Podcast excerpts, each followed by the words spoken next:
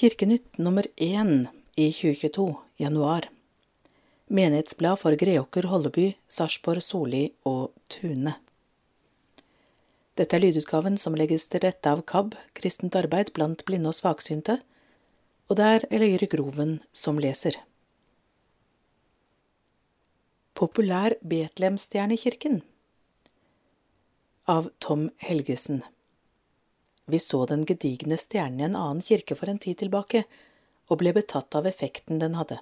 En slik ville vi også ha, sier Sarpsborg-kantor Carl Andreas Næss. Alle som har besøkt Sarpsborg kirke i førjulstiden, har nok lagt merke til den store Betlehemsstjernen som har hengt oppunder taket. Med en spennvidde på 1,3 meter er den et blikkfang og en vakker dekor i kirkerommet. Nettopp størrelsen fikk Karl Andreas og Sarpsborg menighets daglige leder Trine Rønning erfare da den skulle monteres.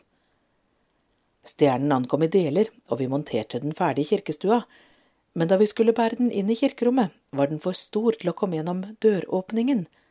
Dermed måtte vi delvis demontere den igjen og skru den sammen i kirkerommet, sier han og ler.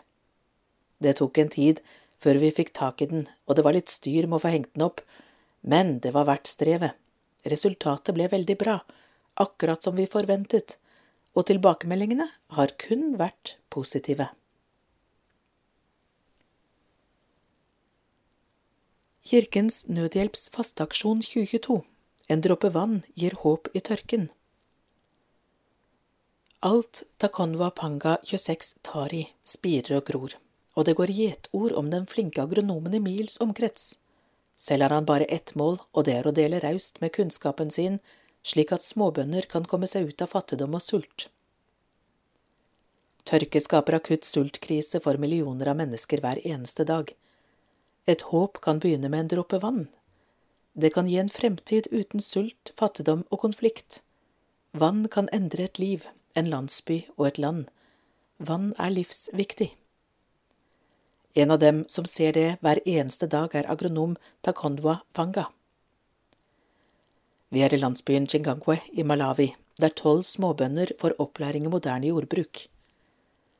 Her hjelper jeg bønder med å høyne kvaliteten på avlingene, slik at de kan høste mer og samtidig øke inntektene sine, forteller han.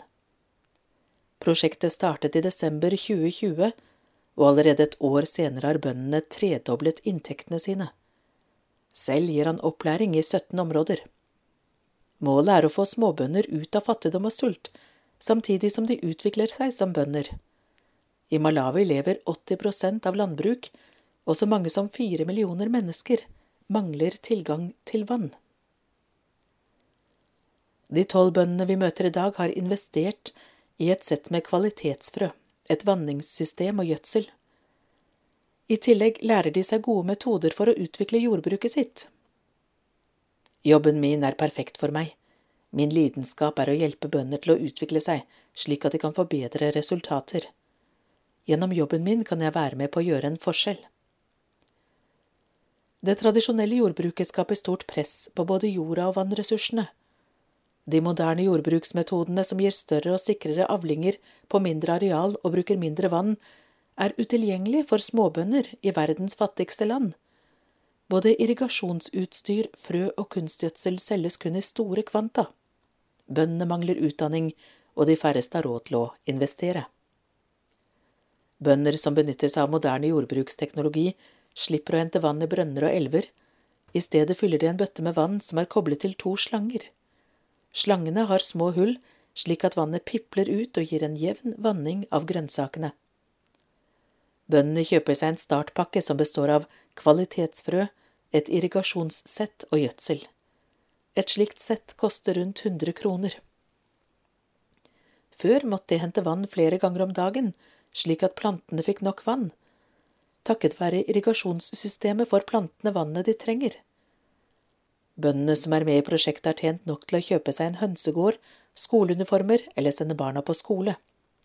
De har også nok mat til hele familien, i tillegg kan vi se at de kjøper mer land og dermed utvider jordbruksarealet sitt, forklarer han. Etter at bøndene ble med i prosjektet, kan agronomen se stor forskjell i folks liv. Bøndene og familiene deres har nå enkel og forutsigbar tilgang til grønnsaker. De har økt inntektene sine, og de investerer videre. Før hadde de kanskje ingen eller lite penger, nå har de en stabil inntekt som sørger for næringsrik mat på bordet hver eneste dag. Denne endringen gjør at han har tro på fremtiden. Teksten er skrevet av Anette Torjussen. Støtt årets fasteaksjon 3.–5. april. Kirkens Nødhjelp markerer vårt 75-årsjubileum i 2022 med håp som overordnet tematikk. Fasteaksjonen er en viktig del av markeringen og har fått tittelen Håp i en dråpe vann. På vegne av Kirken i Norge jobber Kirkens Nødhjelp med å sikre at mennesker i nød får tilgang til vann, hygiene og sanitære løsninger. Dette har vært tema for fasteaksjonen siden 2015.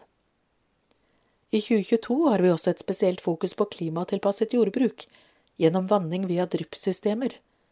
Dråpene fra rørene gir liv og vekst, som igjen gir inntekter og mulighet for å forsørge seg og sine.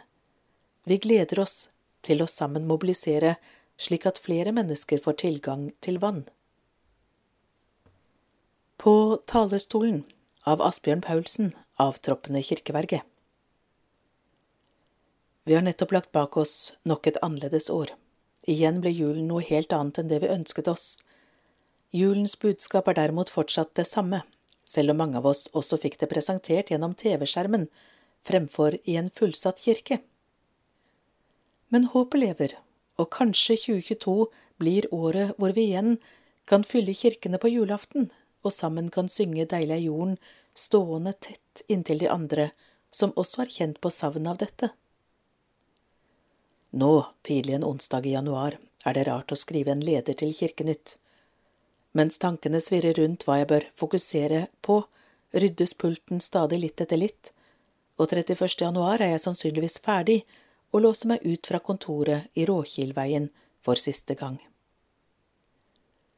Selv om jeg gleder meg til å starte i ny jobb som kirkeverge i Fredrikstad, kjenner jeg også på et vemod i å forlate jobben som kirkeverge i Sarpsborg. Jeg har hatt fire fantastiske år i Sarpsborg, og samarbeidet med både ansatte og frivillige har gjort de fire siste årene til mine absolutt beste år i arbeidslivet så langt. Fellesrådet har allerede ansatt ny kirkeverge, som vil starte opp i løpet av våren, og jeg har allerede hatt gleden av å møte Henrik Bjørnstad et par ganger. Jeg tror Fellesrådet har gjort et svært godt valg, og hvis Henrik møter den samme varmen og entusiasmen jeg selv har møtt, er jeg helt sikker på at kirken i Sarpsborg går en lys fremtid i møte. I 2022 kan vi alle bidra til å gi frivilligheten et skikkelig løft, sa kong Harald under årets nyttårstale. Mye av det som tilbys av kirken i Sarpsborg, forutsetter engasjerte frivillige som bidrar til å realisere kirkens oppdrag. De siste to årene med pandemi har dessverre også gått utover kirkens tilbud. Det har også ført til at mange av de frivillige som tidligere hadde faste oppgaver, ikke lenger har kunnet bidra. Jeg håper som kong Harald at 2022 blir året hvor vi igjen kan løfte frem frivilligheten og sammen åpne opp kirken igjen med gamle og nye tilbud. Helt til slutt vil jeg takke for tiden i Sarpsborg. Det har vært en stor glede å være kirkeverge i Sarpsborg med alle de positive menneskene jeg har møtt. En så varm mottagelse av en enkel kar fra Fredrikstad er ikke selvsagt, og for min egen del må jeg nok si at sarpinger tross alt ikke er så verst. Alt godt. Teologisk hjørne av Lisbeth Heie Gregersen, sogneprest i Tune. Vi har et landsted på Sørlandet. En sti fører ned til sjøen. En sensommer da vi skulle forlate hytta for sesongen, snudde min sønn og jeg oss og tok inn syn av sjøen, stranda og brygga. Det er vemodig når en sommer er over, så dette synet skulle vi ta med oss inn i vinteren. Min sønn ville trøste meg og sa, til våren vil alt åpenbare seg igjen. Åpenbare er et litt høytidelig ord. I kirken er vi i åpenbaringstiden. Nå skal det åpenbare seg, vise seg, søndag for søndag, hvem barnet i krybben var.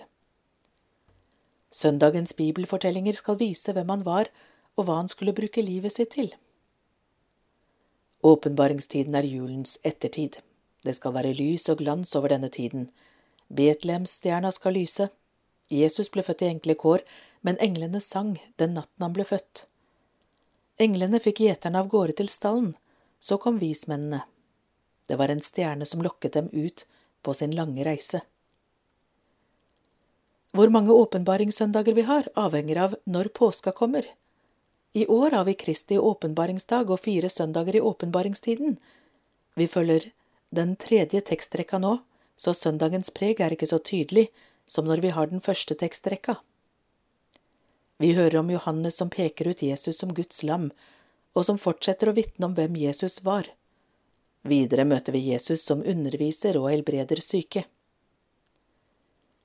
2. februar kan vi feire kyndelsmesse. I år er det en onsdag. Da har det gått 40 dager etter Jesu fødsel. I gammel tid markerte kyndelsmesse avslutningen på juletiden. Kyndel er et norrønt ord for lys. Kyndelsmesse er alle lysmessers mor, vi er midt mellom vintersolverv og vårjevndøgn.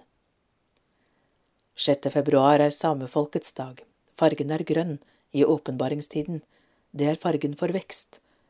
Vi skal vokse i troen når vi ser hvem Jesus er. Det skal åpenbares for oss.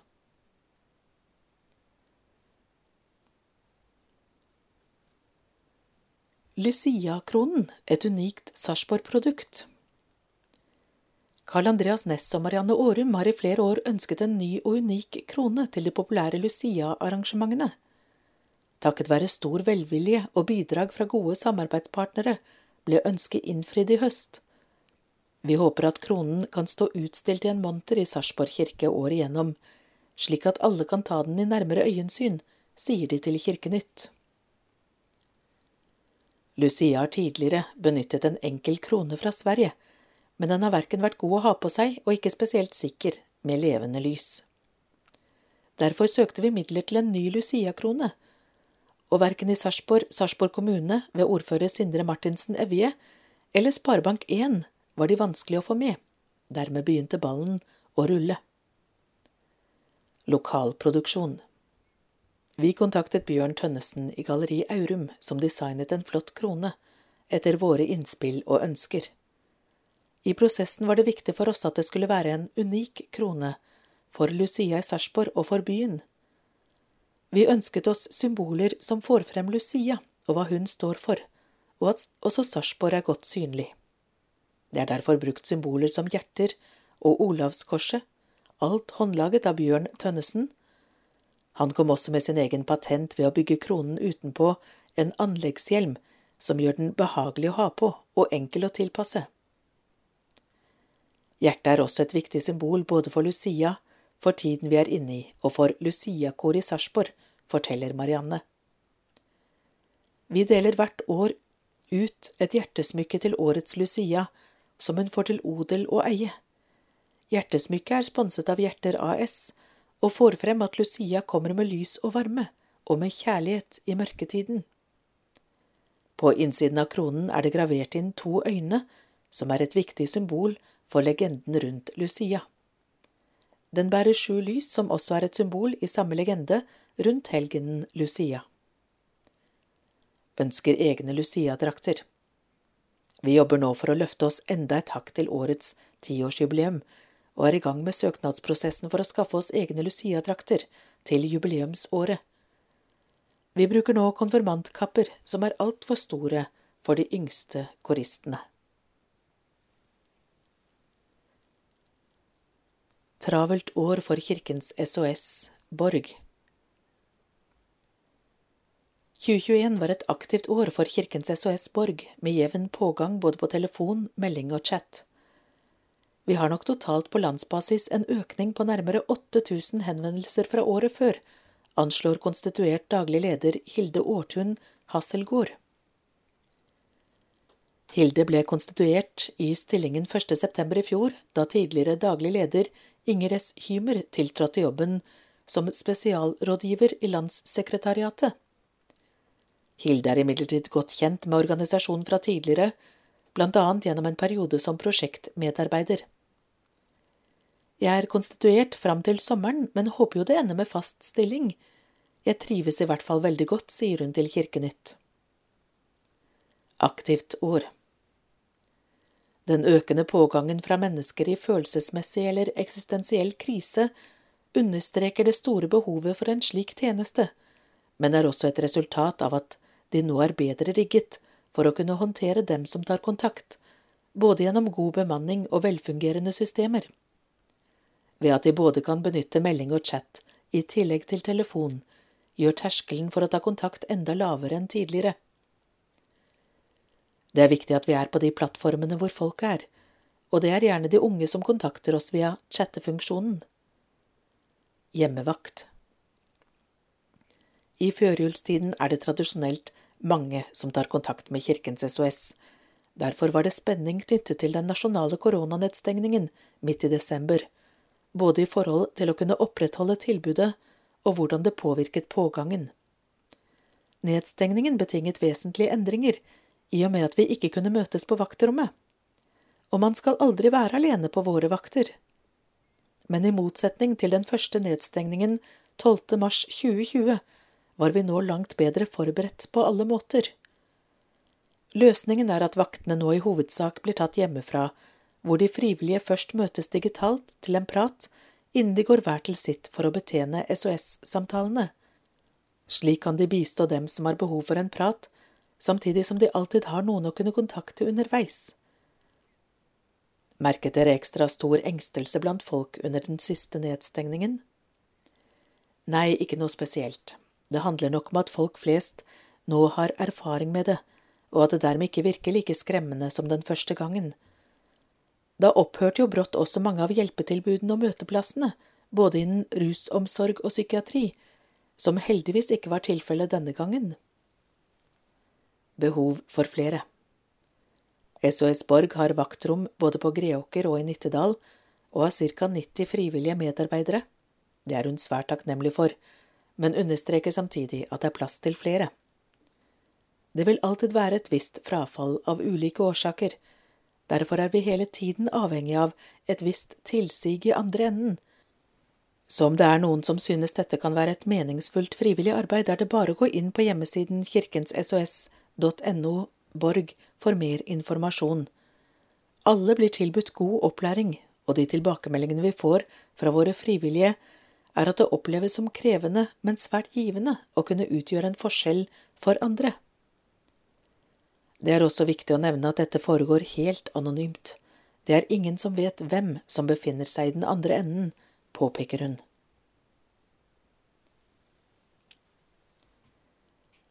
Henrik Bjørnstad er vår nye kirkeverge. Jeg trives med viktige samfunnsoppdrag av Tom Helgesen.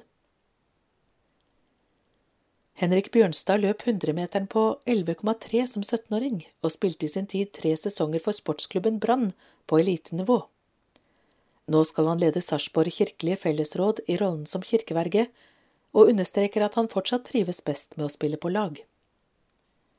Ja, jeg er helt klart en lagspiller, som liker å dyrke et velfungerende og godt fellesskap. Å få til ting sammen er veldig motiverende. Derfor gleder jeg meg stort til å bli kjent med organisasjonen og mine nye kolleger, sier han til Kirkenytt. Henrik kommer fra stillingen som økonomidirektør ved Høgskolen i Østfold og tiltrer som kirkeverge etter påske. På spørsmål om hva som trigget ham til å bytte jobb, sier han følgende. Jeg har alltid satt pris på å kunne utføre samfunnsoppdrag som er betydningsfullt for både enkeltmennesker og fellesskapet. Det får jeg innfridd som kirkeverge i Sarpsborg og det er en ekstra bonus at jeg kan bidra lokalt. Kirken er av stor betydning for mange. Han beskriver seg selv som en kirkegjenger som går i kirken med ujevne mellomrom, og at han alltid har trivdes i kirkerommet. Idrettstalent De tilårskomne med sportsinteresse vil trolig trekke kjensel på navnet Henrik Bjørnstad. Han var et stort friidretts- og fotballtalent som ung, og var spesielt kjent for sin hurtighet. 11,3 på 100 meter lar seg absolutt høre, og han kan skilte med ungdomsmestertittel på 1000 meter stafett for SEL. I tillegg står han oppført med seks guttelandskamper i fotball. Jeg ga meg med friidrett da jeg kom med på SFKs A-lag som 17-åring. Da ble det kun fotballsatsing. I årene 1988, 89 og 90 spilte han for Brann og fikk oppleve cupfinale på et fullsatt Ullevål mot Rosenborg i sin første sesong som et høydepunkt. Eller rettere sagt to. Etter 2-2 i første kamp vant RBK 2-0 i omkampen. Satset på utdanning. Henrik ga seg imidlertid på toppnivå i relativt ung alder for å satse på økonomiutdanning. En utdanning som nå har ført ham til kirkevergestillingen i Sarpsborg. Fritiden i dag fyller han med familieliv og frivillighet. Det har vært naturlig for meg å engasjere meg i SEL friidrett, hvor våre to døtre har gått gradene. De siste åtte til ti årene har jeg sittet som styreleder. Og det ryktes at du er ombærer av Kirkenytt? Ja, vi har en rode her på Kuland hvor vi bor. Det er en fin spasertur for min kone, hunden og jeg, sier han med et smil. Den beste jobben jeg har hatt, av Tom Helgesen. Jobben som kirkeverge i Sarpsborg er uten tvil den beste jobben jeg noen gang har hatt, og fire år i jobben er egentlig altfor lite. Men da utlysningen for tilsvarende stilling i Fredrikstad kom, valgte jeg å søke, sier Asbjørn Paulsen til Kirkenytt. Asbjørn er bosatt i Fredrikstad og gleder seg til å jobbe med de kirkebyggene han selv sogner til, samt at han får en vesentlig kortere arbeidsvei. Jeg har lenge hatt et ønske om å sykle til jobb, og det kunne jeg vel også gjort med arbeidssted i Sarpsborg, men jeg både håper og tror at sannsynligheten nå blir større for at det faktisk blir en realitet. Fire flotte ord. Han nøler ikke med å beskrive at de fire årene som kirkeverge i Sarpsborg har vært fantastiske, med veldig allsidige arbeidsoppgaver og staber som består av dyktige, engasjerte og ikke minst veldig hyggelige ansatte. Når jeg ser i bakspeilet, er det fascinerende å se at pandemien har påvirket arbeidshverdagen nesten halve tiden min i Sarpsborg. Det var godt at man ikke visste allerede ved starten at dette skulle bli et så langt maraton, for da hadde nok vært vanskelig å finne motivasjon. Digital satsing Den digitale satsingen Sarpsborg fikk til i starten av pandemien, ble lagt merke til. Det setter han på kontoen for stor velvilje og omstillingsevne fra staben. At så mange var villige til å kaste seg rundt og gjennomføre gudstjenester og annet på en helt ny måte, har jeg satt stor pris på. Ansatte som var vant til å gjennomføre samlinger med folk i benkene, ble utfordret til å gjøre samme jobb foran et kamera, og ofte direkte, uten mulighet til å gjøre ting om igjen. Utfordringen ble tatt på strak arm, noe som også har gjort at tiltakene som ble innført sent i desember, raskt ble løst med digitale løsninger. Dette vil ikke erstatte de fysiske samlingene våre, men det er et godt supplement. Kveldsbønnene som fortsatt blir delt på Facebook fire dager i uken, blir høyt verdsatt og blir sett av mange. På mange måter har vi gått opp nye stier og satt nye standarder under pandemien. Godt samarbeid han trekker også fram samarbeid med Sarpsborg kommune rundt rehabilitering av kirkebyggene som svært givende. De har gitt en stor grad av forutsigbarhet og gjort at tilstanden på kirkebyggene nå er langt bedre enn den var for fire år siden. Dessverre er det ikke gitt nye investeringsmidler øremerket rehabilitering av kirkene i 2022, men jeg håper på sikt at dette vil fortsette, og at vedlikeholdsetterslepet på kirkebyggene sakte, men sikkert kan bli mindre i tiden fremover. Asbjørn er i skrivende stund i ferd med å rydde kontoret og legge til rette for sin etterkommer, og er ikke i tvil om at Sarpsborg har funnet rett mann i Henrik Bjørnstad. Bli gjerne med på dugnaden. Det enkleste for mange er VIPS, og våre menigheters VIPS-nummer finner du under. Kanskje dette også er en fin anledning til å vurdere å bli fast giver gjennom å bidra i en månedlig givertjeneste. Om dette skulle være interessant, ta gjerne kontakt med menighetskontoret. Når man er fast giver, får man også registrert alle gaver i løpet av året, og det gis melding til skatteetaten slik at man får skattefradrag for donert beløp. Bli gjerne med på denne dugnaden også. Vips til våre menigheter Greåker 13243 Holleby 115437 Soli 72 33 7, Tune 13 16 7, Sarpsborg 50 235. Barnesiden I dag snør det masse. Miniandakt. Det dekker over alt det grå og triste og sølete. Søla det gråe ligger fortsatt under snøen, men snøen lager et hvitt, vakkert lag som gjør at det til og med blir lysere når det er mørkt ute. Sånn kan det være å være venn med Jesus også, tenker jeg. Jesus gjør ikke at alle dumme ting forsvinner, men han kan gjøre at ting i livet føles nye og rene, og lysere når det er mørkt og trist. Det er fordi han elsker oss så høyt, og han holder oss alltid i hånda når vi trenger det. Trosopplæringstips En andaktsbok på middagsbordet er ikke rot, sa Jarle Valdemar på et seminar. Hvis jeg skal få til å lese i andaktsbok med mine barn, så må den ligge fremme. Ellers glemmer jeg den bort. Så husk på at en andaktsbok på bordet ikke er rot. Dikt Sov, vesle barnet, sov i Jesu navn, drøym at du hviler i Hans trygge favn.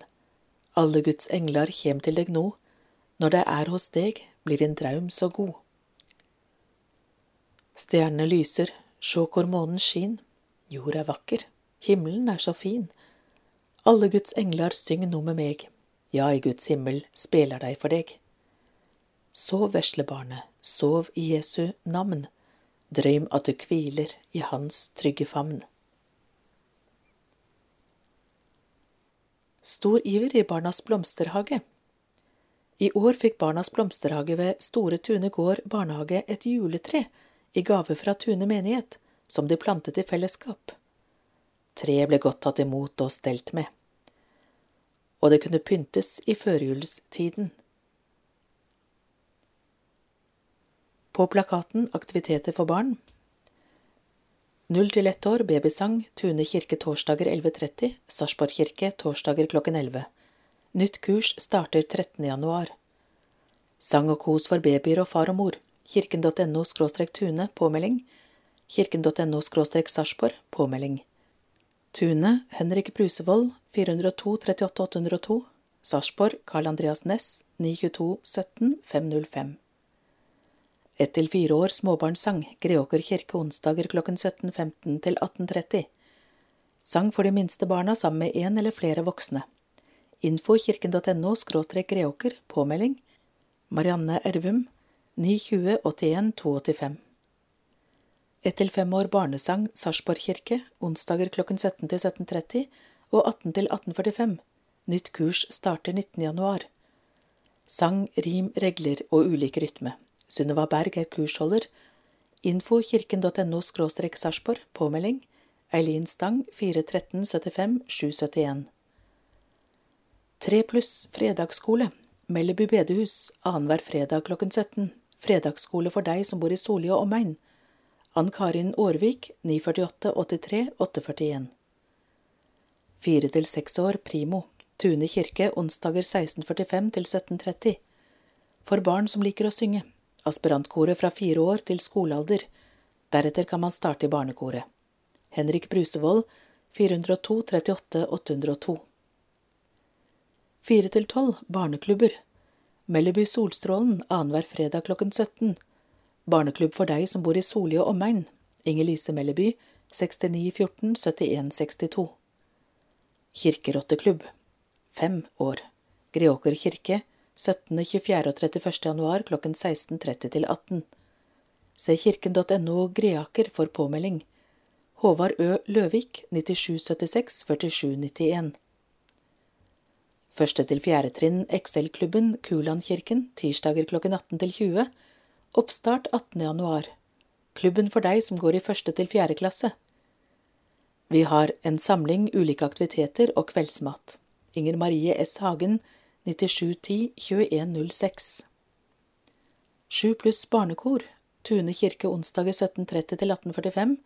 Gjelsnes misjonshus tirsdager 14.45 til 15.45 for deg som liker å synge fra skolealder og oppover. Henrik Brusevold 402 38 802 10 til 11 Lys våken Tune kirke lørdag 29. januar. Se kirken.no tune for påmelding. Håvard Ø. Løvik 9776 4791. Barneklubber Gjelsnes misjonshus onsdager i oddetallsuker klokken 17. Lysglimt barnelag, barneforening for de aller minste. Hege Jørgensen 970 17 612. Camilla Skaar 995 79 323. Femte til sjuende trinn Happy Place, Hannestad bedehus, tirsdager klokken 18 til 20. Heng, diverse aktiviteter og moro. Kveldsmat. Berit Vassdal 995 07 866. Femte til åttende trinn XXL-klubben, Kulandkirken mandager 18 til 20. Oppstart 17. januar. Klubb med matlaging, biljard, airhockey, fotballspill, bordtennis, hobbyaktiviteter med mere. Kveldsmat. På plakaten Aktiviteter for ungdom.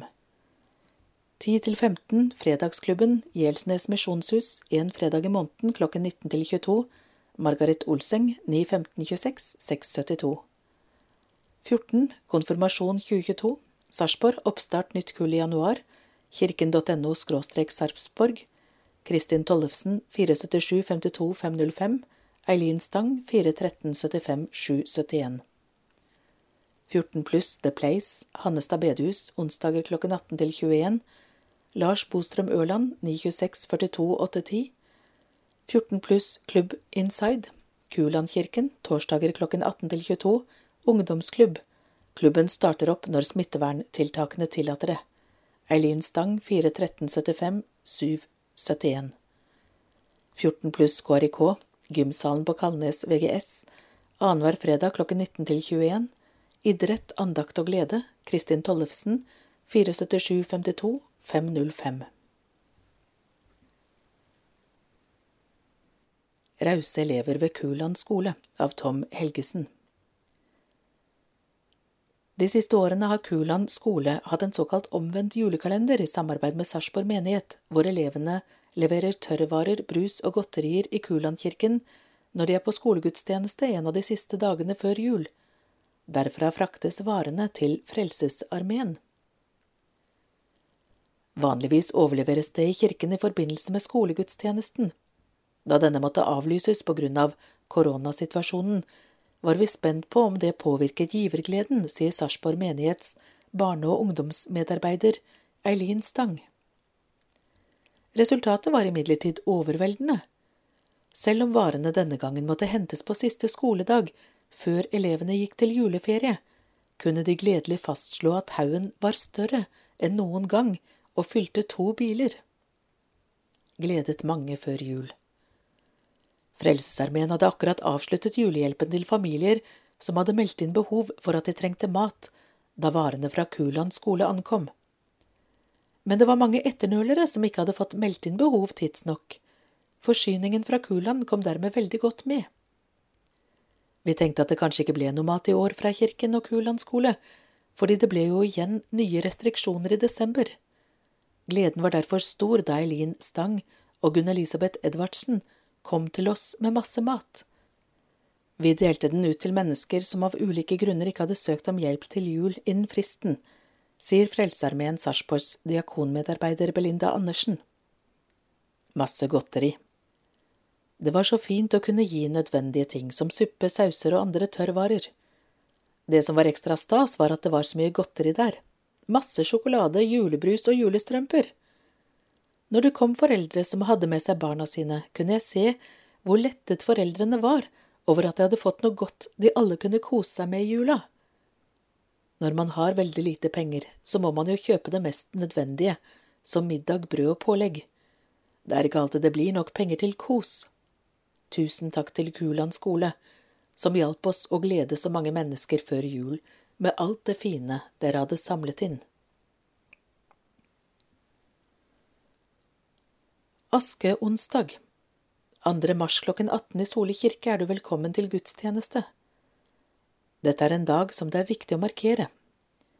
Askeonsdag minner oss om livets forgjengelighet og behov vi har for å angre våre synder og gjøre bot. Askeonsdag er første onsdag etter fastelavn og markerer starten på fastetiden. I løpet av gudstjenesten vil det bli tegnet et kors i pannen på dem som er til stede, og så sies ordene Husk, menneske, at du er støv, og skal vende tilbake til støvet. Ifølge Bibelen var dette Guds ord til Adam og Eva etter syndefallet, og det er livets forgjengelighet som står i fokus for denne gudstjenesten på askeonsdag. Det blir en anledning til å stoppe opp og reflektere over hva som er det viktige, og hva vi velger å tro og gjøre. Så ligger påskens frelsesbudskap fremme i horisonten og er med på å bringe frem håpet for hver og en. I år blir dette en fellesgudstjeneste for Tune, Greåker, Soli og Holleby menigheter, der vi virkelig setter startskuddet for fastetiden sammen. Musikalsk ansvarlig er Halvor Kjerkreit, og så medvirker prestene Lisbeth Heie Gregersen, Petter Johannessen og Berit Vassdal. Stor interesse for drop-in-bryllup 22.2.22. Bryllupsdatoen du aldri glemmer, av Åsebø Saltbones. Dere der ute som tenker på ekteskap, men kjenner på at et vanlig bryllup er krevende, dere kan merke dere datoen 22.2.22. Da åpner Sarpsborg kirke for drop-in-bryllup, og seks par har allerede meldt seg. Dette ble annonsert i Sarpsborg Arbeiderblad i romjula, og samme dag kom første påmelding. Dette skal foregå på en tirsdag, med en spennende dato som er lett å huske senere. Drop-in-frisør, alle vet hva det er, men drop-in dåp og drop-in bryllup? Skal man liksom bare spontant stikke innom kirken en formiddag og få en dåp eller gifte seg? Må ikke dette forberedes? Og hvor blir det av det høytidelige? Dette må vi spørre presten om. Vi møter derfor Helene Selvik i Sarpsborg kirke og får stilt nysgjerrigheten. Samtale med presten Sarpsborg menighet har flere ganger satt av en lørdag og arrangert drop-in-dåp. Da kan man faktisk komme i kirken og døpe seg uten mer formell forberedelse. Man får en samtale med presten der og da om dåpens innhold Drop-in-vielse derimot krever en godkjennelse fra det offentlige på forhånd, og man må skaffe forlovere, forteller hun. Og selvsagt, frieriet må parene selv ta seg av. Det høytidelige skal ivaretas. Kirken blir pyntet med lys i kandelabre og blomster. Kirken stiller med levende musikk og trykker opp program, dette er gratis. Presten følger den vanlige liturgien for vielser, men hvordan man rent praktisk gjør ting, kan brudeparene få være med å planlegge. Man kan velge å gå opp kirkegulvet eller bare sitte foran. Man kan ha med gjester eller bare forloverne. Og hvordan man kler seg, bestemmer man selv. Det blir satt av en halvtime til hver vielse, med en pause til neste. Andre gang Det er andre gang Sarpsborg menighet arrangerer drop-in-vielse, men andre kirker har gjort det samme. Erfaringen er at parene som gifter seg på denne måten, er i ulike aldersgrupper, unge og mer voksne. Men hvorfor velge denne måten å gifte seg på, hvorfor ikke like gjerne gifte seg på rådhuset? Mange ønsker fortsatt en kristen ramme rundt vielsen, og man ønsker Guds velsignelse over hverdagen og en himmel over samlivet. For noen er dette et puff til å gifte seg. Mange samboerpar tenker at det skal skje en gang, men det er ulike hindre på veien. Noen gruer seg for finklær og stas, taler og forventninger, stæsj og festivitas. Her kan man roe ned de ytre forventningene og konsentrere seg om den enkle bekreftelsen på kjærligheten mellom to. Det økonomiske er også et viktig poeng, her kan man gjøre det enkelt. Hva gjør man rent praktisk på forhånd? Man må melde seg på til kirkekontoret, telefon 407 01 700, og så må man fylle ut et skjema på skatteetaten.no og sende inn for godkjennelse fra det offentlige. Behandlingstiden tar noen uker, så man må være raskt ute. 2022 er frivillighetens år. Kan ikke tenke meg et liv uten frivillighet. Av Tom Helgesen. Doris Animpong sitter i komiteen til møteplassen i Tune kirke. Hun er tekstleser og hjelper presten med ulike oppgaver under gudstjenester. Hun sitter i menighetsrådet, og hun er ombærer av Kirkenytt. Frivillig arbeid gir meg så mye, at jeg kan ikke tenke meg et liv uten, sier hun til Kirkenytt. 2022 er utpekt til frivillighetens år, og kong Harald oppfordret oss alle til frivillighet i sin nyttårstale. En oppfordring Doris gjerne stiller seg bak. For meg handler det om å tjene Gud ved å hjelpe andre mennesker. Samtidig er det veldig godt å kjenne på at man kan være til nytte i gode fellesskap, så dette er svært givende også for meg. God integrering Doris, som har sin bakgrunn i Ghana, flyttet til sin ungdomskjæreste i Fredrikstad i 1992. Tre år senere bosatte de seg i Sarpsborg og ble etter hvert en familie på fire. Å bli en del av den lokale menigheten var naturlig for henne, forteller hun. Det er en fin måte både å lære seg språket og kulturen på, og jeg har alltid villet bidra i de miljøene jeg har vært med i. Å jobbe som frivillig er ikke noe offer, jeg gleder meg hver gang jeg kommer ut for å treffe alle de hyggelige menneskene. Tung tid for mange. Doris påpeker at den tiden vi er inne i nå, kan oppleves ekstra tungt for mange, spesielt dem som ikke har familie rundt seg. Men desto mer viktig er det å ikke bli sittende hjemme i sofaen med sine mørke tanker, å komme seg ut og bli en del av et fellesskap, og føle tilhørighet og at man er til nytte er en veldig god medisin, det kan jeg trygt anbefale alle. En tjeneste som passer for meg. Også Toril Myrvang trekker fram nettopp alt det hun får tilbake for innsatsen, da vi spør om hennes motivasjon for å være frivillig som kirkevert og kirkekaffemedarbeider i Sarpsborg menighet. Toril er bosatt i Råde og har inntil nylig hatt et frivillig engasjement også der, i tillegg til at hun synger i kor i Domkirken i Fredrikstad, og altså ofte er å finne i Sarpsborg kirke. Det gir en ekstra dimensjon å kunne bidra i de miljøene jeg er med i, og jeg har vel alltid hatt lett for å si ja, sier hun med et smil. Hun trekker fram viktigheten i at hun selv kunne finne en tjeneste som hun kunne trives med. Jeg liker ikke å være veldig synlig, derfor takket jeg nei til å bli tekstleser, men å tilrettelegge for kirkekaffen og stå i døråpningen og ønske folk velkommen er helt innenfor komfortsonen og veldig trivelig.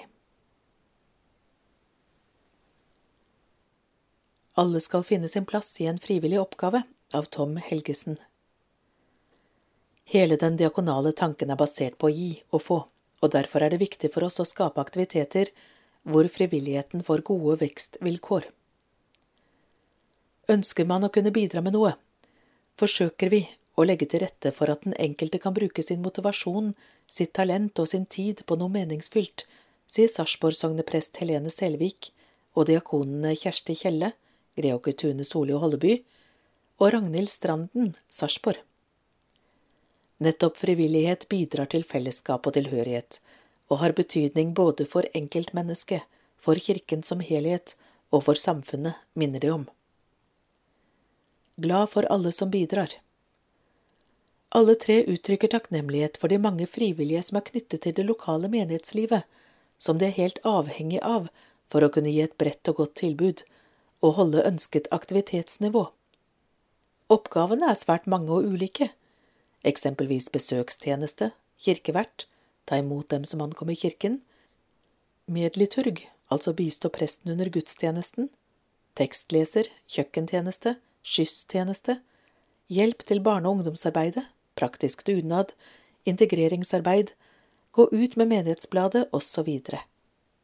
Ønsker du å kunne være med å utvikle din lokale menighet, kan kanskje en plass i menighetsrådet være aktuelt. I tillegg til at vi trenger mange hender til å gjennomføre de faste aktivitetene vi har i dag, ønsker vi også å tilrettelegge for at alle skal kunne ha noe å bidra med, ut fra sine egne forutsetninger. Derfor spør vi gjerne hva den enkelte kan bidra med inn i fellesskapet, og skaper noe ut fra det.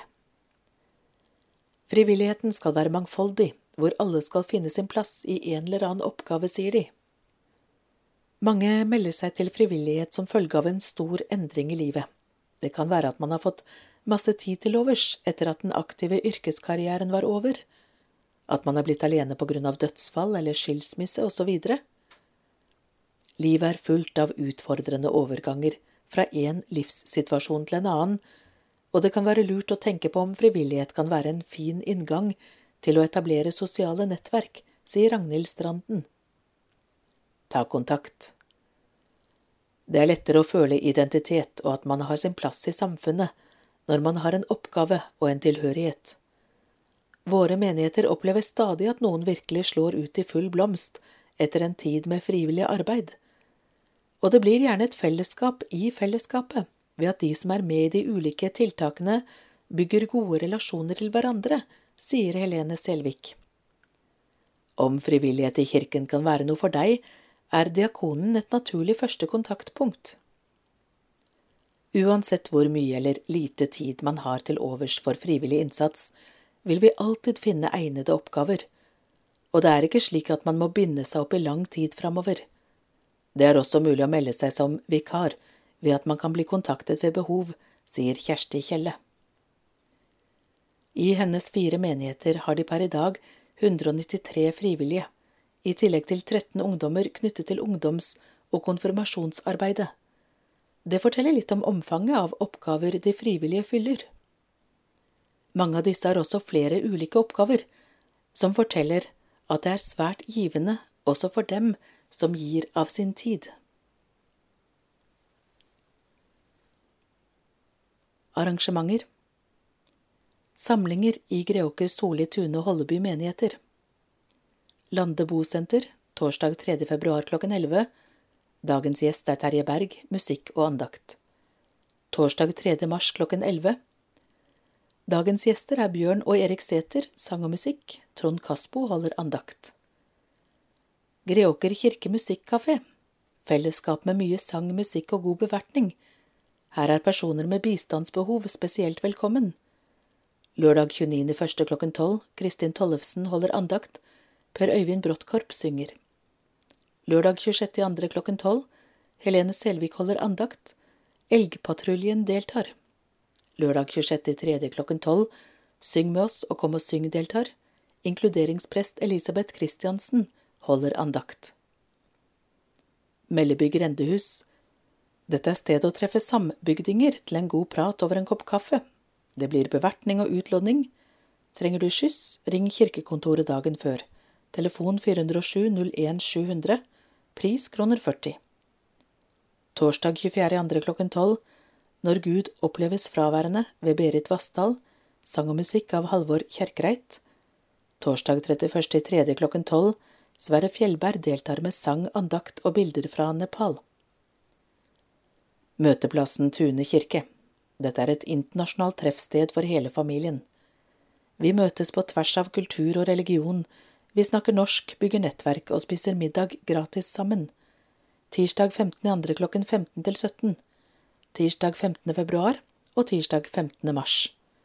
Ved spørsmål ta kontakt med diakon Kjersti K. Kjelle, telefon 48 09 77 47, kt 926 at kirken.no. Brunsjen i Tune kirke. Treffstedet for deg over 60. Liturgisk avslutning. Første onsdag i måneden klokken 11.30 til 13. Onsdag 2. februar. Grålumstua og Arbeiderboligen. Foredrag med Odd-Jan Skuibakken. Onsdag 2. mars. Besøk av Frivillighetssentralen i Sarpsborg. Onsdag 6. april. Besøk av prost Espen Feilberg Jacobsen. Menneskemøter i store deler av verden. Andakt Eplehagen bofellesskap 9. februar og 9. mars klokken 11. Hannestadtunet dagsenter 3.2., 17.2., 3.3., 17.3., 7.4. klokken 10.30. Tingvoll sykehjem 3.2., 17.2., 3.3., 17.3., 7.4. klokken 11.30.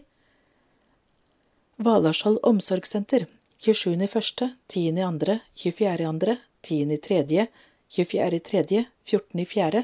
klokken 11.30. Lande bedehus, februar, tirsdag 1.2. klokken 11, NMS misjonsmøte.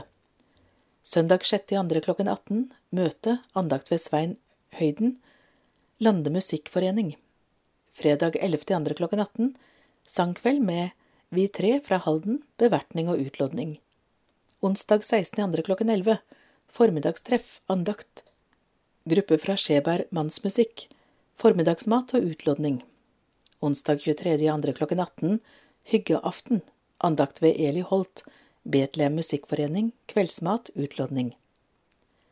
Mars, tirsdag 1.3. klokken 11, NMS misjonsmøte. Kommentar, her står det at det er i andre for resten av datoene, men jeg går ut fra at de mener i tredje. Så altså søndag 6. klokken 18, møte, andakt ved Åge Hunnestad, Lande Musikkforening. Fredag 11. klokken 18, sangkveld med Inger Lise og Reino Andersen og Tore Mortensen, bevertning og utlodning. Onsdag 16. klokken 11, formiddagstreff, andakt, sang og musikk ved Øystein Skaar, formiddagsmat og utlodning.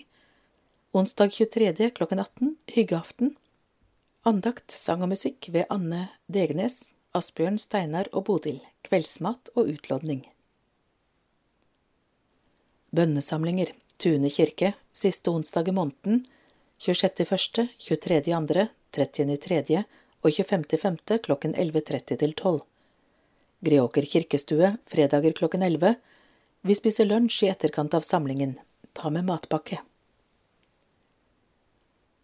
Tekstgjennomgåelser. Sarpsborg kirke. Velkommen til tekstgjennomgang i Sarpsborg kirke. På samlingen ser vi på tekstene for de kommende søndagene sammen. Enkel bevertning. Torsdag 20. januar, torsdag 17. februar og torsdag 17. mars klokken 13.30. Samlinger i Sarpsborg menighet. Sykehjemsandakter.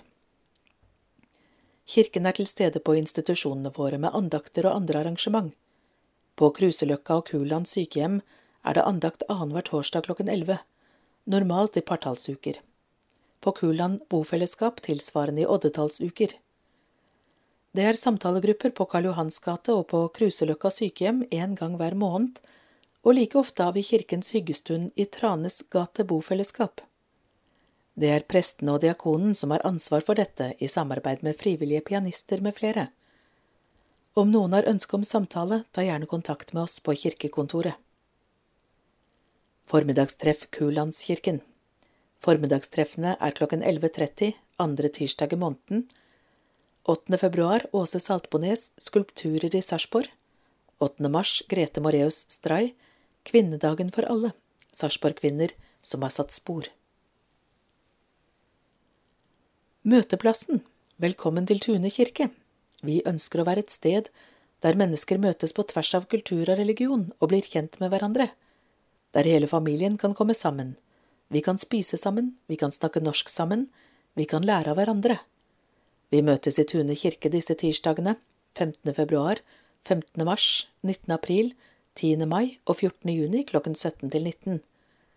Ta kontakt for mer informasjon, diakon Kjersti Kjelle, telefon 480 97 747. Diakon Ragnhild Stranden 934 61 595.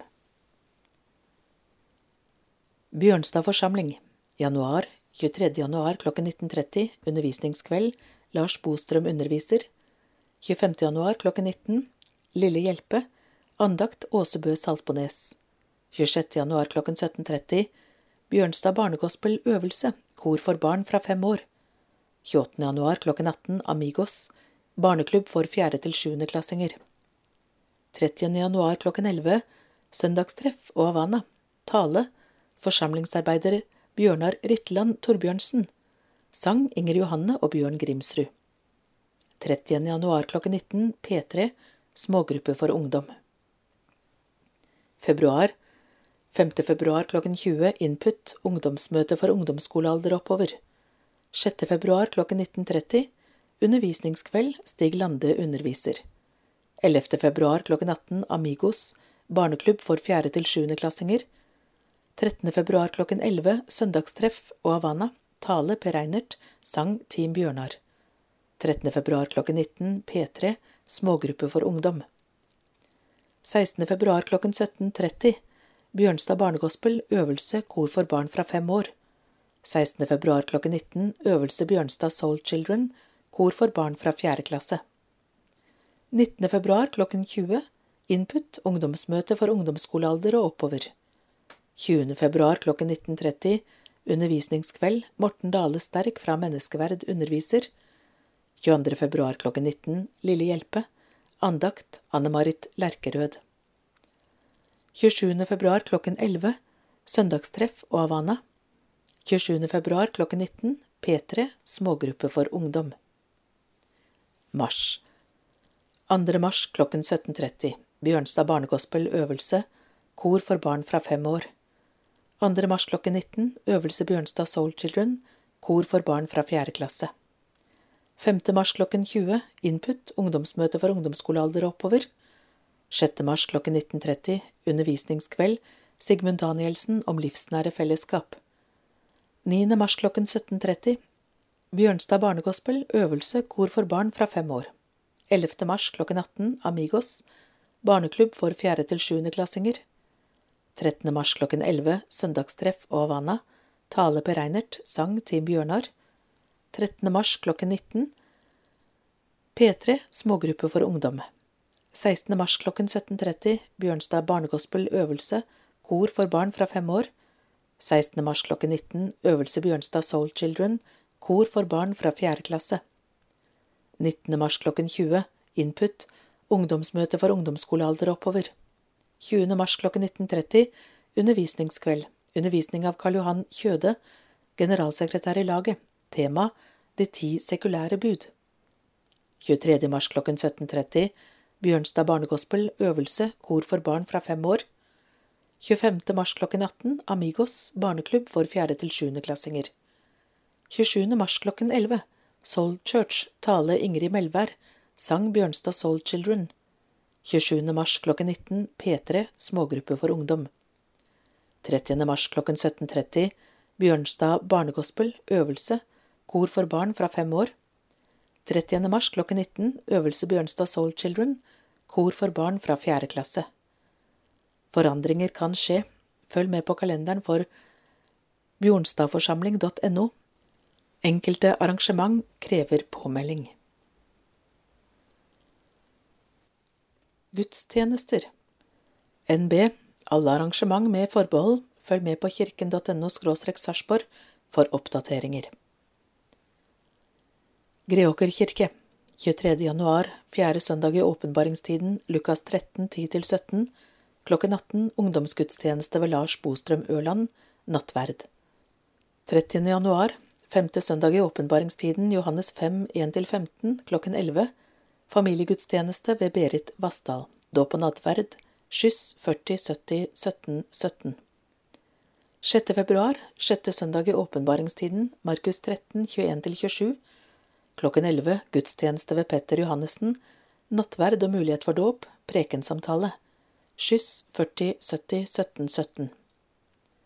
13. februar, såmannssøndag, Markus 13, 24–30, klokken 11, gudstjeneste ved Petter Johannessen, nattverd og mulighet for dåp, Skyss 4070 1717 20. februar, Kristi forklarelsesdag, Lukas 9, 28–36, klokken 11, sanggudstjeneste ved Petter Johannessen, nattverd og mulighet for dåp, skyss 4070 1717. 27. februar, fastelavnssøndag, Lukas 18, 31–34, klokken 11, gudstjeneste ved Lars Bostrøm Ørland, nattverd og mulighet for dåp, skyss 4070 1717. 2. mars askeonsdag, Markus 2, 18–20, klokken 18, felles askeonsdagsgudstjeneste i Soli kirke. 6. mars, første søndag i fastetiden, Matteus 26, 36–45, klokken 11, karnevalsgudstjeneste ved Petter Johannessen. Klovnen Sirikus kommer, mulighet for dåp, skyss 40 70 17 17. 13. mars, andre søndag i fastetiden, Lukas 13, 22–30, klokken 11, gudstjeneste ved Lars Bostrøm Ørland, nattverd og mulighet for dåp, skyss 4070 1717. 20. mars, tredje søndag i fastetiden, Lukas 22, 28–34, klokken 11, gudstjeneste ved Petter Johannessen, nattverd og mulighet for dåp, fokus på Kirkens Nødhjelps innsamlingsaksjon, skyss 4070 1717.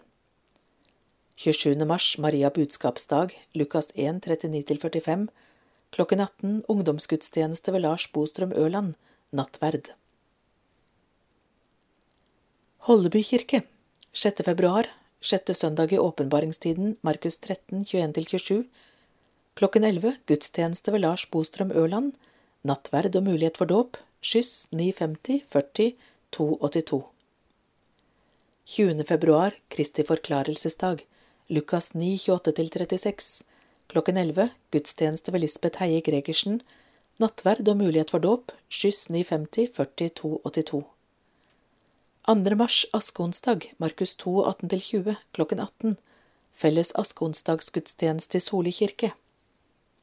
6. mars, første søndag i fastetiden, Matteus 26, 36-45, klokken 11, gudstjeneste, nattverd og mulighet for dåp, skyss 950 40 282.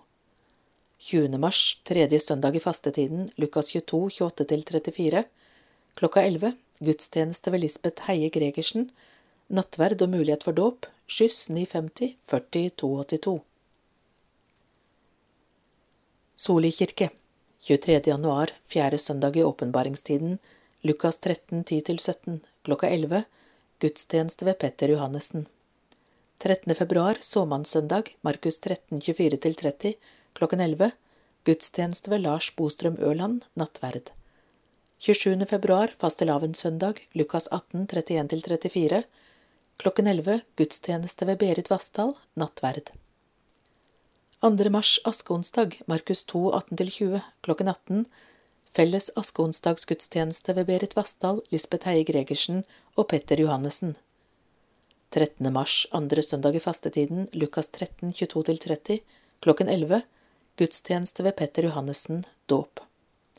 27. mars, Maria budskapsdag, Lukas 1, 39–45, klokken 11, gudstjeneste ved Berit Vassdal og Kjersti Kjelle. Fokus på Kirkens Nødhjelps innsamlingsaksjon.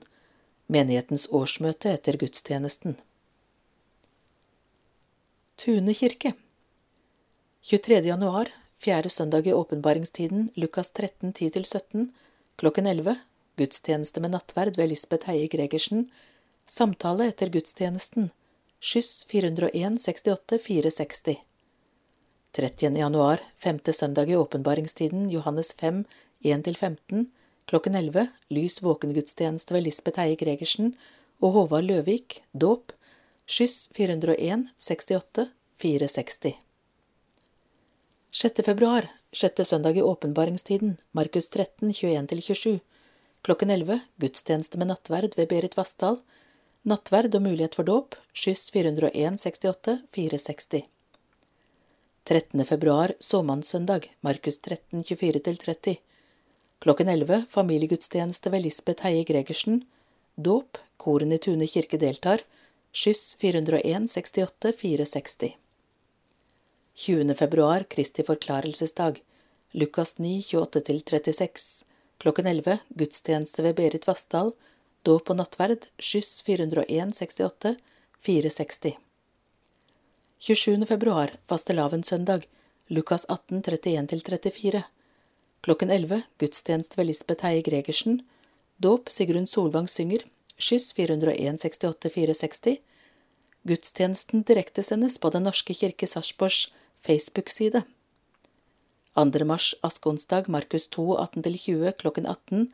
Felles askeonsdagsgudstjeneste i Soli kirke. 6. mars første søndag i fastetiden Matteus 26 36–45 klokken 11. Gudstjeneste ved Berit Vassdal, nattverd, Prima damekor deltar, skyss 401 68 460. 13. mars, andre søndag i fastetiden, Lukas 13, 22–30, klokken 11, gudstjeneste med mulighet for dåp ved Lisbeth Heie Gregersen. Fokus på Kirkens Nødhjelps innsamlingsaksjon. Besøk av speidere, skyss 401 68 460. 20. mars, tredje søndag i fastetiden, Lukas 22, 28–34. Klokken 11 tårnagentgudstjeneste ved Berit Vassdal og Håvard Løvik. Dåp skyss 401 68 460. 27. mars Maria budskapsdag Lukas 1 39–45 klokken 11. Gudstjeneste ved Lisbeth Heie Gregersen. Nattverd. Greåker mannskor deltar. Skyss 401 68 460. Sarpsborg kirke 23. januar, fjerde søndag i åpenbaringstiden, Lukas 13, 10–17, klokken 11, gudstjeneste ved Espen Feilberg Jacobsen, nattverd, offer til menighetsarbeidet. 30. januar, femte søndag i åpenbaringstiden, Johannes 5, 1–15, klokken 11, gudstjeneste ved Helene Selvik, nattverd, offer til barne- og ungdomsarbeidet. 1. februar klokken 8, morgenmesse ved Espen Feilberg Jacobsen. 6. februar, samefolkets dag, Johannes 21, 9–13, klokken 11, gudstjeneste ved Ole Jens Hovda, nattverd, offer til barne- og ungdomsarbeidet. Klokken 13, dåpsgudstjeneste ved Ole Jens Hovda, offer til barne- og ungdomsarbeidet. 13. februar, såmannssøndag, Matteus 13, 24–30. Klokken 11 fellesgudstjeneste med metodistene i Sarpsborg kirke ved Helene Selvik og Hilde Augensen, nattverd, offer til Bibelselskapet. 20. februar, Kristi forklarelsesdag, Lukas 9, 28–26. Klokken 11 gudstjeneste ved Espen Feilberg Jacobsen, nattverd, takkoffer til menighetsarbeidet. 27. februar, fastelavnssøndag, Lukas 18, 31–34, klokken 11. Gudstjeneste ved Helene Selvik, dåp og nattverd. Takkoffer til menighetens diakonale arbeid. 1. mars klokken 8, morgenmesse ved Ole Jens Hovda. 2. mars askonsdag, Markus 2, 18–20. Klokken 19, gudstjeneste ved Ole Jens Hovda, nattverd, takkoffer, barne- og ungdomsarbeidet. 6. mars, første søndag i fastetiden, Matteus 26, 36–45. Klokken 11 gudstjeneste ved Ole Jens Hovda, nattverd, tårnagenten er med, takkoffer til barne- og ungdomsarbeidet. Klokken 13 dåpsgudstjeneste ved Ole Jens Hovda, takkoffer til barne- og ungdomsarbeidet. 8. mars, kvinnedagen, klokken 17 gudstjeneste ved Helene Selvik, samarbeid med 8. mars-komiteen i Sarpsborg. 13. mars, andre søndag i fastetiden, Lukas 13, 22–30, klokken 11, gudstjeneste ved Helene Selvik, nattverd, takkoffer til barne- og ungdomsarbeidet. 16. mars, gudstjeneste i fastetiden, Kulandkirken klokken 19, gudstjeneste ved Helene Selvik, nattverd. 20. mars, andre søndag i fastetiden, Lukas 22, 28–34, klokken 11, gudstjeneste ved Espen Feilberg Jacobsen, nattverd, takkoffer til Israelsmisjonen. Klokken 13, dåpsgudstjeneste ved Espen Feilberg Jacobsen, takkoffer til barne- og ungdomsarbeidet. 27. mars, Maria budskapsdag, Lukas 1, 30–45, klokken 11, gudstjeneste ved Helene Selvik, nattverd, takkoffer til menighetsarbeidet. Hva skjer i korene? Vi ønsker oss nye medlemmer. Se vår nettside for mer info om hvilken korgruppe som passer for deg. Korene deltar på familiegudstjeneste i Tune kirke 13. februar. For mer info kirken.no korene. Grønn spalte. Benytt skattkammeret i Dumpa. Kirkens Bymisjon driver Skattkammeret ved Sarpsborg stadion. Her kan man finne både ski og skøyter, tursekk, termos og telt og alt man ellers måtte ønske for å være aktiv ute. Nå er hyllene fylt av vinterutstyr. Utpå våren byttes dette ut med utstyr for sommeraktiviteter. Det er gunstige låneavtaler, og man kan låne inntil én uke om gangen. Kvaliteten på utstyret er høy, og det er trivelige ansatte og frivillige som betjener oss som kommer der som kunder. Dette er et tiltak som er bra både for miljø og lommebok. Visjonen er at alle barn og unge skal ha muligheten til å være fysisk aktive og prøve mange ulike aktiviteter uten at en må eie alt utstyret selv. På nettsiden deres står det også at man kan se på dette som et viktig miljøskapende tiltak, i dobbel forstand, ved at det innbyr til deltakelse og fellesskap, samtidig som gjenbruk står i fokus. Alle kan låne utstyr, men barn og ungdom opptil 18 år har første prioritet. Både skoler og foreninger er også velkommen til å låne.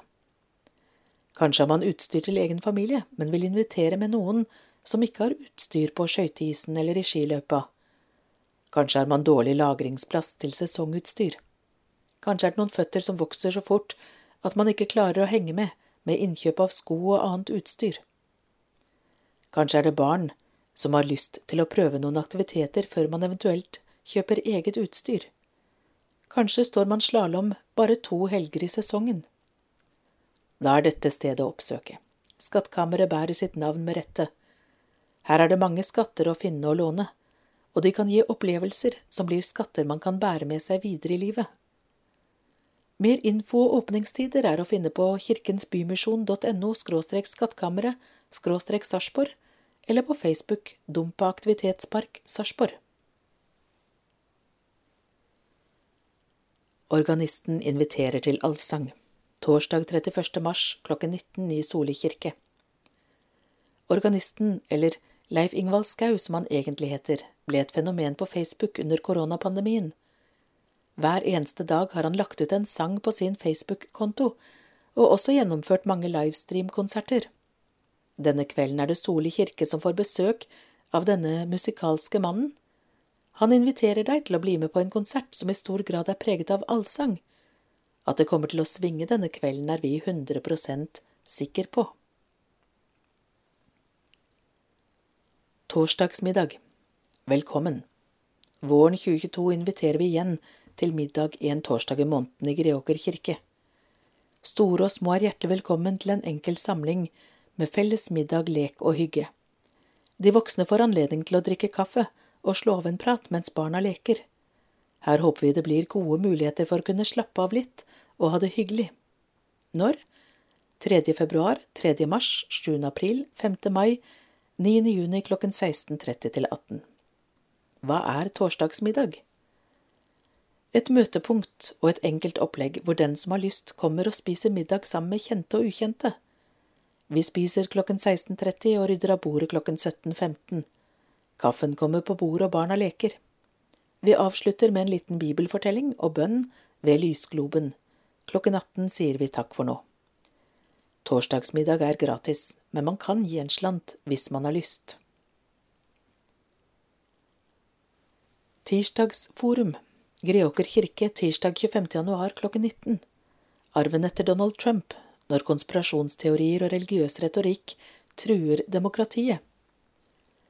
Helge Simones er tidligere sjefsredaktør i Vårt Land. Han har nettopp gitt ut boken Trump, Gud og kirken, og bøkene Kampen om kors i politikken 2019 og En gud for de mange 2016. Enkel servering, kollekt. Tirsdagsforum 8. mars klokken 19 i Greåker kirke. Marius Timman Mjåland, Liljen på marken og Fuglen under himmelen Søren Kjerkegaard om taushet, tillit og glede. Sykurs, redesign av tøy, reparasjon. Velkommen til Greåker kirke våren 2022. Vi møtes disse lørdagene klokken 10 til 14. 12. februar, 12. mars og 14. mai. Ta gjerne med matpakke. Gratis te og kaffe. Kurset er gratis. Grønt utvalg i Greåker, Tune, Soli og Holby menigheter inviterer til sysamlinger. Vi møtes i Greåker kirke, og her får du hjelp til både reparasjon, redesign av klær og ny søm av alt fra barneklær til brudekjole. Om du har en symaskin, så ta den gjerne med, ellers har vi et par som vi låner ut. Vi kan også være behjelpelige med både mønster og materiale. Vil du ha mer informasjon, så kan du ta kontakt med Siv Libby på 4697 3090. Livets gang. Døpte. Soli menighet. Bob Bergman. Tune menighet. Sanne Mariell Harlem. Anker Julius Skrøder Holstad. Aksel Hasle Sletner. Einar Vastveit Karlsen. Kaspian Bråten Jansen. Ada Sofie Thorvaldsen Sarpsborg menighet Sofie Jansen Mabel Moland Henry Håkenstad Lund Alma Petrine Pryn Lias Alexander Reis Pedersen Adrian Holm Jørgensen Hedda Bølviken Ravneng, Edel Elisabeth Mysen Olsen. Døde Greåker menighet Elise Synnøve Halvorsrød Malgorsata Maria Berg Ruth Bakke Johannessen Torbjørn Sørby Knappe Sven Erik Hansen og Andreas Christensen Raymond Andersen.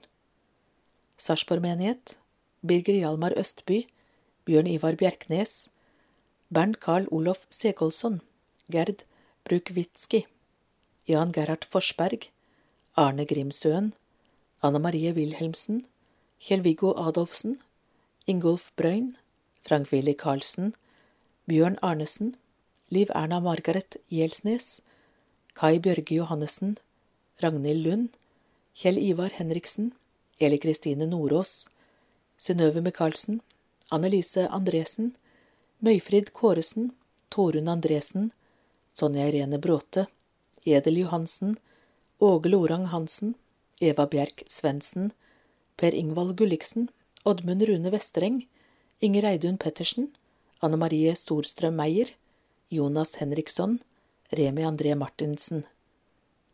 Tune menighet, Haldi Synnøve Selid, Olaug Ødmann, Synnøve Minge, Laila Preutz, Frank Willy Karlsen, Arild Fagerli, Oddlaug Synnøve Halvorsen, Mari Synnøve Syvertsen, Marco Bau, Stein Arild Westberg, Jorunn Lund.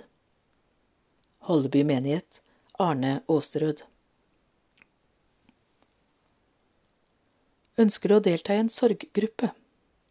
Sorg og omsorg i Sarpsborg har som formål å gi et tilbud til mennesker i sorg, og å spre informasjon og kunnskap omkring sorg og sorgarbeid. Vi kan tilby sorggrupper ved dødsfall, temakvelder om sorg og livskriser, og vi kan tilrettelegge for individuell oppfølging. Vi har ulike sorggrupper for barn, ungdom, foreldre, voksne eller eldre som har mistet nære pårørende. De som er med, opplever at det er mye støtte og hjelp å hente i det å komme sammen for å dele tanker og erfaringer med andre i samme situasjon. Det er fem til sju deltakere og to gruppeledere i hver gruppe, og det er ca. ti samlinger i løpet av ett år. Spørsmål eller ønsker du å delta? Ta kontakt med Kjersti K. Kjelle, telefon 4809 7747, kt926 at kirken.no, eller Ragnhild Stranden, telefon 9346 1595, rs426 at kirken.no. Sorg og omsorg i Sarpsborg består av representanter fra Den norske kirke, fra helseetaten i Sarpsborg kommune, sanitetsforening, begravelsesbyrå og noen uavhengige representanter. Nettside sorgogomsorg.org, Facebook Sorg og omsorg Sarpsborg. Trenger du noen å snakke med? Prester og diakoner har taushetsplikt og er vant til å snakke med mennesker om deres liv. Enkelte tror kanskje at det må være en spesiell religiøs problematikk for å samtale med en prest eller en diakon, men det er ikke nødvendig. De er trente samtalepartnere som er vant til å møte mennesker og snakke om alle spørsmål i livet. Tjenesten er gratis, og det er som regel kort ventetid for å slippe til.